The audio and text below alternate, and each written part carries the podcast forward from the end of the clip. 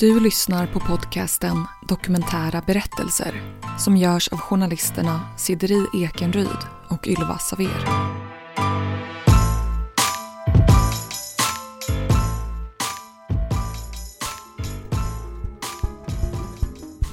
Nu samarbetar vi med Podplay, en ny podcastplattform där du hittar vår podd och en massa andra poddar.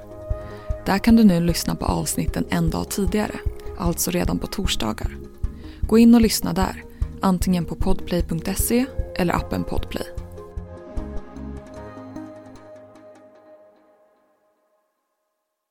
Frimurarorden, eller Frimurarna, är en av de kanske mest mytomspunna sällskapen i historien. Medlemmarna genomför hemliga ritualer och deras viktiga symboler omfattar både dödskallar och likkistor. I det här avsnittet ska vi försöka ta reda på mer. Eh, ofta så pratar man om att det finns då riter inom fribyrån där man får lägga sig i en kista eller man får gå över en kista och utföra vissa saker. Vi pratar med journalisten och författaren Claes Svan som genom åren specialiserat sig på både övernaturliga fenomen men också sekter och slutna sällskap. Och det är det som tror då fortfarande då att Illuminaterna då som inte har funnits då sedan 1770-talet eller 80-talet egentligen, att de faktiskt finns kvar fortfarande. Att de styr då världen genom frimurarna. Att de då är en hemlig grupp inom en hemlig grupp. Vi har också pratat med Jörn, som själv är frimurare sedan sex år tillbaka. Det ryktades ju om det och det här var ju liksom kanske 1700-1800 att vi skulle äta barn. Det är ju de värsta anklagelserna. Och det ska visa sig bli en ovanligt svår intervju. Är man själv då eller är det flera i samma situation som är med i ceremonin som också ska bli antagna den dagen? Det kan jag inte svara på. Är det olika teman då man går igenom? Ja, svårt att svara på. Mm. Mm. Intresset för frimurarna väcktes tidigt för Jörn. Både hans pappa och farfar var nämligen medlemmar. Så att det fanns någon sorts eh, familjetradition här och min farfar var ju väldigt mycket eh, stolt över att vara med i frimurarna. Och eh, han har till och med en sköld där någonstans. Jag har inte sett den men eh, han var väldigt eh, engagerad och stolt över att vara med där. Och eh, på hans begravning var det också, tror jag, sex frimurare som bar kistan. Så att det, var ju, det kändes lite sådär att okej, okay, det här är något intressant och spännande. Så att eh, självklart eh, en nyfikenhet eh, och, eh, men också att eh, ja, här var nog något för mig också. I världen är det ungefär 6 miljoner människor som är medlemmar i Frimurarorden. I Sverige omkring 15 000. Och en del av mystiken kan komma från det faktum att det är så svårt att veta hur och när orden faktiskt grundades. Så kan man säga att det går tillbaka till eh, tempelherreorden då som eh, hjälpte då pilgrimer då på väg till Jerusalem och att, att beskydda dem. Och det är vi på sådär, ja, 1300-talet, eh, 11-12-1300-talet då. Men det som händer då som är väldigt tydligt då kopplat till frimurarnas sätt att se på sig själva det är ju att de här tempelherrarna då, som är väldigt rika och väldigt eh, maktfulla faktiskt, de eh, upplöses då av Vatikanen som ser dem som ett hot helt enkelt genom sin makt. Så alltså 1307 så, så fängslas då de, de flesta högre tempelherrarna. Och eh, 1314 så avrättar man då den siste stormästaren då som heter Jacques de Molay. Och det är väl där någonstans som eh, man hittar liksom då eh, rötterna och sen så har vi också katedralsbyggarna, det är också viktigt att säga då, de här som byggde de här fantastiska kyrkorna runt om i Europa mellan år 1100 och 400-500 år fram i tiden så byggde man enorma katedraler. Och det var ju då murare, fria murare som eh, väl ordet egentligen kommer ifrån. Det var väl egentligen först på slutet av 1700-talet som hertig Karl styrde upp det hela och eh, skapade det svenska systemet som vi kallar det nu. För att våra system skiljer sig från det engelska lite. Eh, och, eh, och det är samma system som vi, har, som vi, som vi kör nu. Och, eh, så det har alltså funnits i över 250 år. Vi har gjort likadant i, princip i 250 år. Eh, så det är väldigt mycket, mycket gamla traditioner och eh, kunskaper också, som, ehm, som vi utövar. Liksom. Så vad innebär egentligen själva medlemskapet? Och hur blir man medlem? Man måste ha två stycken faddrar som rekommenderar en och eh, som eh, hjälper en. Då fyller man i en ansökan och de eh, skriver på att jag är en bra människa. Eh, och sen är det en väntetid tills man får en kallelse att du är välkommen till oss den här dagen och så vi tittar på dig. Och så får man hoppas att man blir antagen. Är det någon intervju då eller? Ja, alltså i det läget så sker en, en, en typ av ceremoni. Eller ritual om man kallar det så. Och eh, där går ju gränsen för vad jag kan berätta. Så att eh, absolut, svaret på frågan är ju ja. Är man själv då eller är det flera i samma situation som är med i ceremonin som också ska bli antagna den dagen? kan jag inte svara på.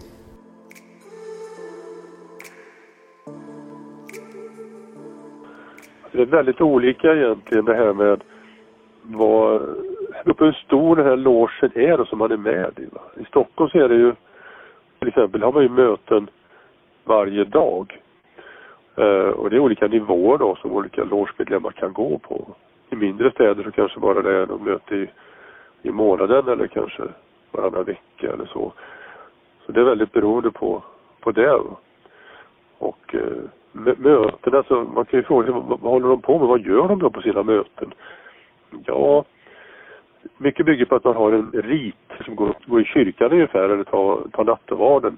Det är en rituell del utav mötet som är väldigt viktig då, som man upprepar då vid varje möte.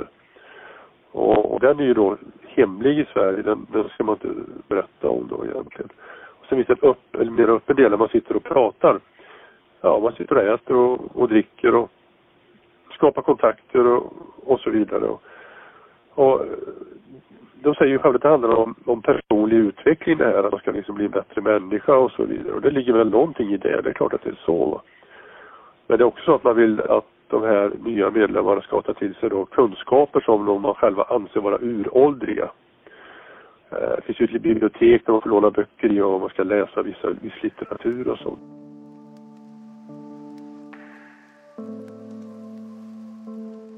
En central del av medlemskapet är det gradsystem som finns och att ta sig uppåt i graderna. Man kanske skulle kunna likna det vid eh, eh, olika utbildningssteg. Eh, eller om, kanske ett dumt ord med utbildning men i alla fall en, det är olika steg i, i i, som man tar eh, med åren. Beroende på eh, hur mycket man har engagerat sig och så vidare. Är det olika teman då man går igenom i de här graderna? Eh, ja, svårt att svara på. Mm. Mm. Antalet grader är nio. Men den grad Jörn befinner sig på just nu kallas för 4-5 och därmed är den högsta graden 10. Det sägs att det tar flera år för att hamna där. Det, det tar lång tid. Alltså det kan, 15 år är ingen ovanlig tid faktiskt. Och, eh, man måste, måste gå på ett visst antal möten och måste vara aktiv för att kunna ta sig framåt i de här nivåerna så kan man inte vara en helt passiv medlem utan du måste visa att du vill lära dig, att du vill vara med, att du vill ta dig framåt. Så visst, det, det tar lång tid och det är också en sak som binder samman gruppen givetvis. Att folk hoppar inte av utan de vill fortsätta för de vill se hur det slutar. Det är svårt att, och, och jag tror att det är svårt att göra den där tidsspannet att, eh, att det händer saker vartannat år. Det, det, det, är inte riktigt sant. det finns vissa... Eh, det är olika långt mellan olika steg kan man säga. Så att eh, det skulle kunna vara så att, eh, att det tar 20 år för mig att nå tionde graden. Det vet jag inte. Eh, men eh, jag vet ju bara vad som jag har, hur jag, långt jag kommit så här långt.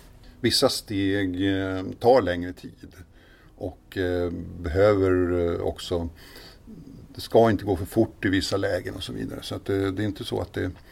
Um, och det finns en tanke med det. Så att, uh, att det varierar är uh, eh, en, en, bra sak, en uttänkt sak. Jag känner ju och är bekant med många med den tionde graden. Och uh, det är... Ibland kan de uttrycka, ja att de är lite avundsjuka på oss som, som eh, är, har, har den här vandringen kvar så att säga. Så att um, Men jag tror att det är en bra grej ändå. Vad symboliserar den där guldringen då?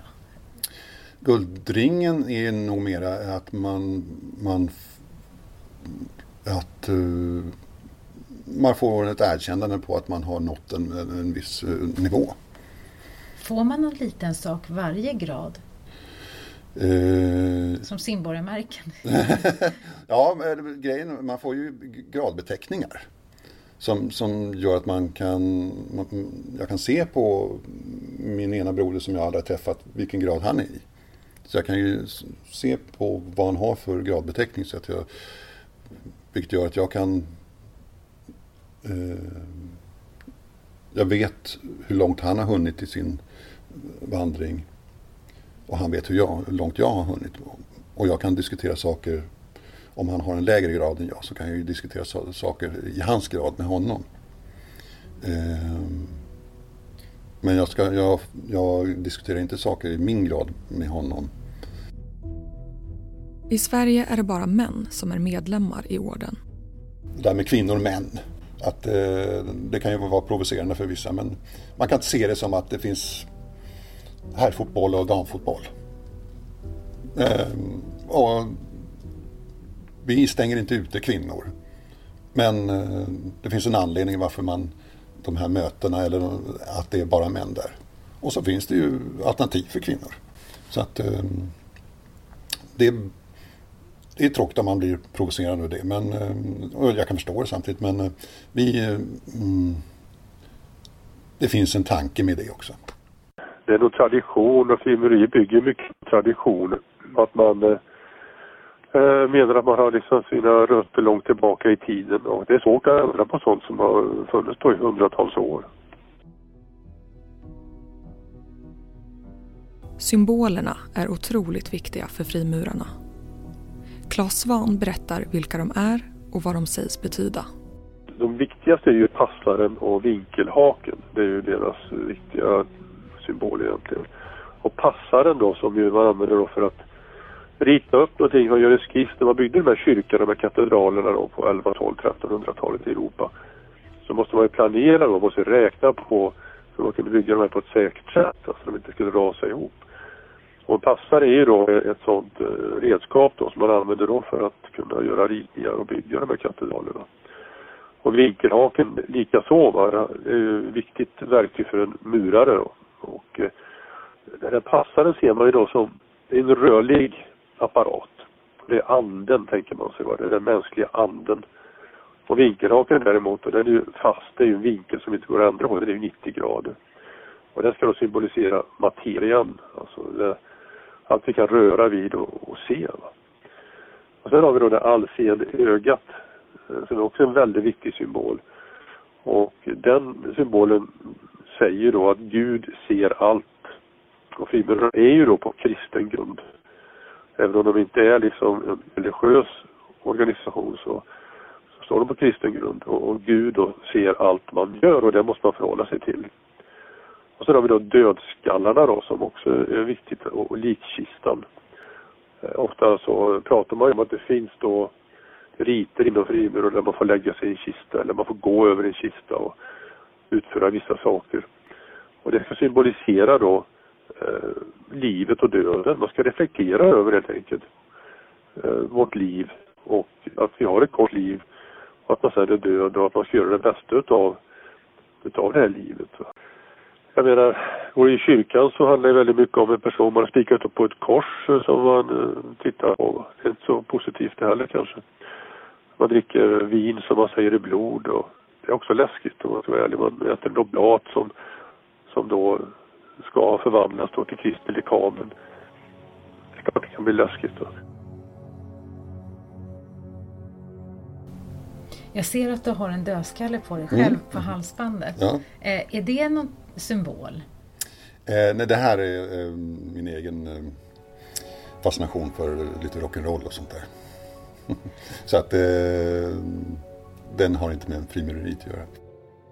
Och sen finns det ju siffror som är jätteviktiga. Och det är många siffror, men siffran 27 är ju en av de absolut starkaste siffrorna. Och då får man gå tillbaka till det jag sa tidigare, den stormästaren då, eh, Jacques de Molay som avrättades 1314. 13 plus 14 är 27. Och 27 då är, är då en jättestark siffra inom frimureriet.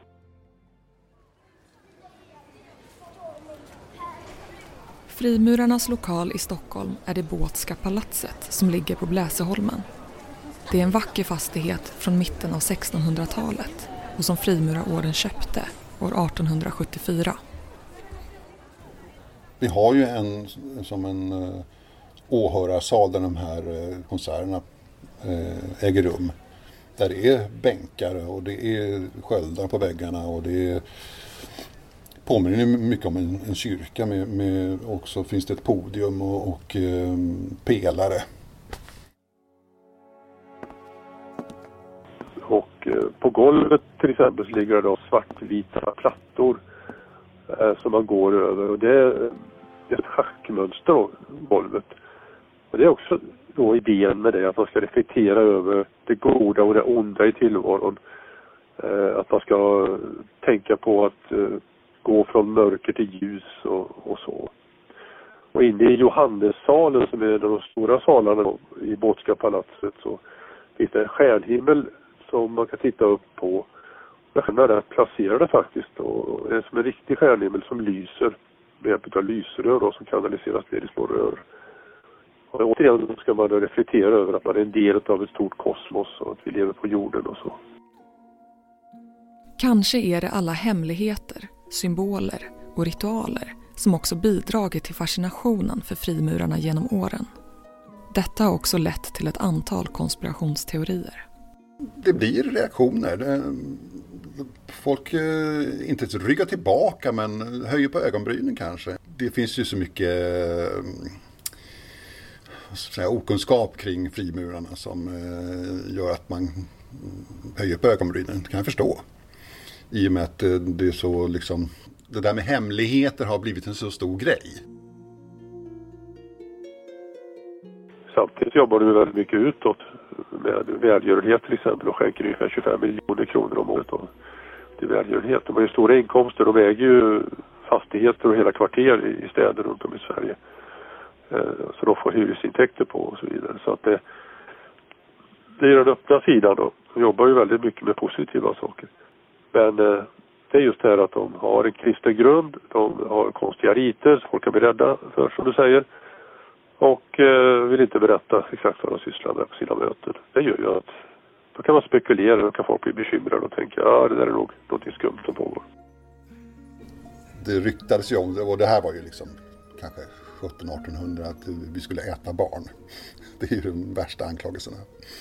Och enligt uppgift så eh, så uppkom det av att Friburarna drev ett, flera barnhem, alltså för föräldralösa barn eller på annat sätt eh, eh barn som behövde hjälp. Och eh, som det säkert är nu för tiden också i hem för flykting, eh, ensamkommande flyktingbarn, att barn rymmer. De söker sin frihet. Och eh, det försvann barn från de här barnhemmen. De rymde. Och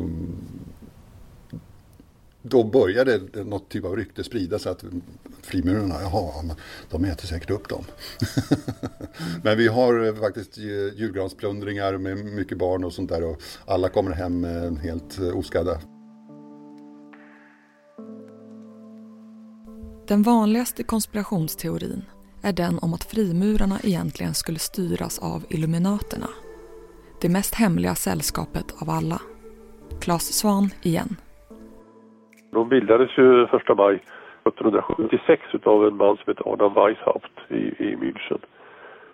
Och eh, de hade ju som mål då Illuminaterna att avskaffa alla regeringar, avskaffa privata ägandet, avskaffa arvsrätten, avskaffa patriotismen, alla religioner, familjen och att bilda en världsregering. Och det är klart, det utmanade ju etablissemanget väldigt mycket.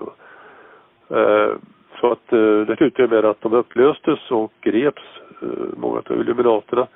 Men de hade också passat på att infiltrera frimurarna och eh, i princip tagit till sig väldigt mycket av frimurarnas eh, olika riter. Men också gett frimurarna eh, av sina egna. Och det är det som tror då fortfarande då att Illuminaterna då som inte har funnits då sedan 1770-talet eller 80-talet egentligen, att de faktiskt finns kvar fortfarande. Att de styr då världen genom frimurarna. Att de då är en hemlig grupp inom en hemlig grupp. Och eh, de har ju ett talesätt då, eller hade kan man väl säga då, Illuminaterna som var Novus Ordo Seclorum som betyder, som kan betyda en ny världsordning. Det kan tolkas på olika sätt då, men och det här står ju bland annat på amerikanska dollarsedlarna. Novus Ordo Seclorum. Och det finns också frimurarnas anseende öga. Och räknar man fjädrarna i, i den här örnen som finns där så är det också samma antal fjädrar som antalet grader i amerikanska frimurarsystemet. Eh, så det är ju då inom citat ett bevis då för att, eh, att frimurarna då hyser Illuminaterna inom sig och att deras mål är att härska världen i själva verket. Det är de här konspirationsteorierna att vi skulle eh, styra världen eller att eh, vi gör eh, hemska saker eh, och sånt här. När vi tvärtom är en välgörenhetsorganisation och försöker göra bra saker och, och eh, vara bra människor och vara bra ehm, ja, vara var en, eh, en god resurs i samhället. Finns det då någonting man bör oroa sig för när det kommer till den här hemliga gruppen? Vi frågar Claes Svahn. Bristen på insyn då och bristen på demokratisk påverkan. Den, den är ju bekymmersam då om det sker kontakter och tas beslut och sånt i de stängda rum. Men det vet vi inte egentligen om det är något problem med frimurarna i Sverige. Jag har svårt att se det utan vänskapskorruption kan ju pågå på många nivåer och eh, det här är ju en ett sätt att, att eh, skapa en sån. Sen finns det ju grupper runt om i världen som har spårat ur. Vi har ju till exempel den, den italienska då, eh, P2 eller Propaganda Doer då som gruppen hette. Och den blev ju, det är ju en frimurarorganisation och den blev ju känd den 18 juni 82 egentligen genom att man hittade då en en, en bankir då, Roberto Calvia var ordförande i Banco Ambrosiano i Vatikanen eh, hängande under en bro då i London och död då med pengar i fickorna och sten i fickorna och så. Och när sen eh, italienska finanspolisen började nysta i detta så kom det fram då att eh, han, han var ju också inblandad då i den här P2-gruppen då och när man började nysta i den så hittade man ju så det var ju mängder av makthavare då som var med i den här frimurargruppen alla liksom cheferna för de olika hemliga säkerhetstjänsterna var där och 12 generaler då från karabinjärerna och finanspolisen själv hade fem stycken medlemmar där också. Och armén och flygvapnet, amiraler och så vidare och domare och Alltså det var ju gräddandet av de italienska makthavarna som satt då i den här hemliga frimurargruppen. Och det är klart, eh, det är ju inte säkert att det är så lyckat. Va? Då kan det bli den här vänskapskorruptionen och i ett land som Italien framförallt där väldigt mycket är korrupt och där maffian har stort inflytande fortfarande. så blir det ju problem. Eh, så det väckte ju väldigt stort uppseende. Jag tror att överlag så är frimurarna ganska fridfulla och vanliga personer som tycker det är kul att, att sitta och prata lite och skapa kontakter och dricka ett glas vin. Vi undrar då hur det kommer sig, trots alla dessa rykten och konspirationsteorier, att frimurarna ändå väljer att vara så hemliga. Det här med hemligheterna, det är egentligen för oss själva. Alltså, vi är hemliga för varandra. Eh, och eh, lika lite som alla som inte skriver högskoleprovet kan få reda på svaren så måste ju det vara hemligt.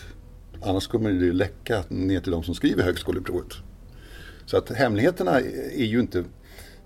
Varför, varför det är hemligt för allmänheten är ju för att vi ska kunna behålla hemligheterna för oss själva. Ehm, så enkelt är det egentligen. Så att det, några andra hemligheter är det inte att snacka om egentligen därför att det, som sagt hela medlemsmatriken finns ju på nätet och den är ju inte hemlig. Eh, var vi finns och eh, vilka eh, institutioner vi stödjer ekonomiskt och, och, sånt där, det är inte heller hemligt. Ehm, så att, att den är, det är inte som ett ehm, sällskap som, som ingen vågar prata om. Utan det, alltså, det är ju, men det har ju fått en liten sån där att bara för att man råkar säga att någonting är hemligt så blir det laddat. Eh, och eh, det kanske är lite synd. Men eh, kanske en tjusning för många också. Liksom att det, och det blir en, ehm, ja, det blir en, en kan, kan bli en positiv laddning eller en negativ laddning av det.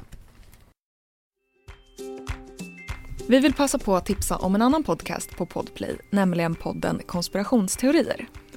Ja, Ylva, jag lyssnade på ett superintressant avsnitt som handlade om tidsresande flygplan. Mm -hmm. Det var alltså då ett plan som försvann 1955 och var borta i 37 år.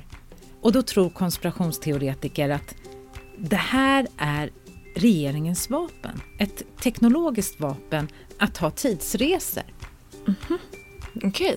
Ja, och sen lyssnade jag också på ett annat avsnitt som kom här i slutet av oktober om Anunnakis återkomst. Och det handlar ju då om att i forna Mesopotamien så trodde man på så mäktiga gudar. Och att de här gudarna då, eh, de skapade människan och sen så återvände de till stjärnorna. Och nu tror vissa att de här gudarna kommer komma tillbaka och förinta oss. Och ett potentiellt år för det är 2022. Åh herregud. Ja, det är i alla fall intressant. Mm. Så lyssna på podden Konspirationsteorier. Ja, jag tror att uh, mycket bygger på att när jag var liten hade man ju hemliga föreningar och kanske var tre kamrater som bildade en hemlig förening och så var det hemligt för de andra utanför. Och det var ju spännande och så visste man saker som ingen annan visste och man blev lite speciell helt enkelt. Och det gäller nog även frimurarna att det, det är viktigt att ha hemligheter för att då, då när man kommer in i detta hemliga sällskap får man veta saker som ingen annan vet. Jörn har alltså varit medlem i sex år nu. Vi undrar hur medlemskapet påverkat honom. Kan du ge några exempel? Tryggare. Mer ödmjuk. Um,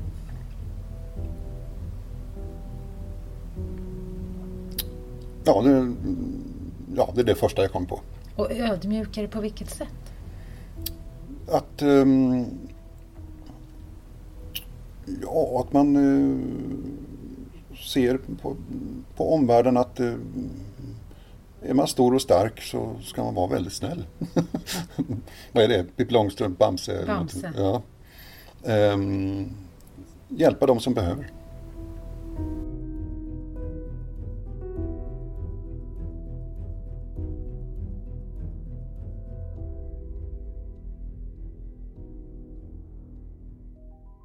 Du har lyssnat på avsnittet om frimurarna.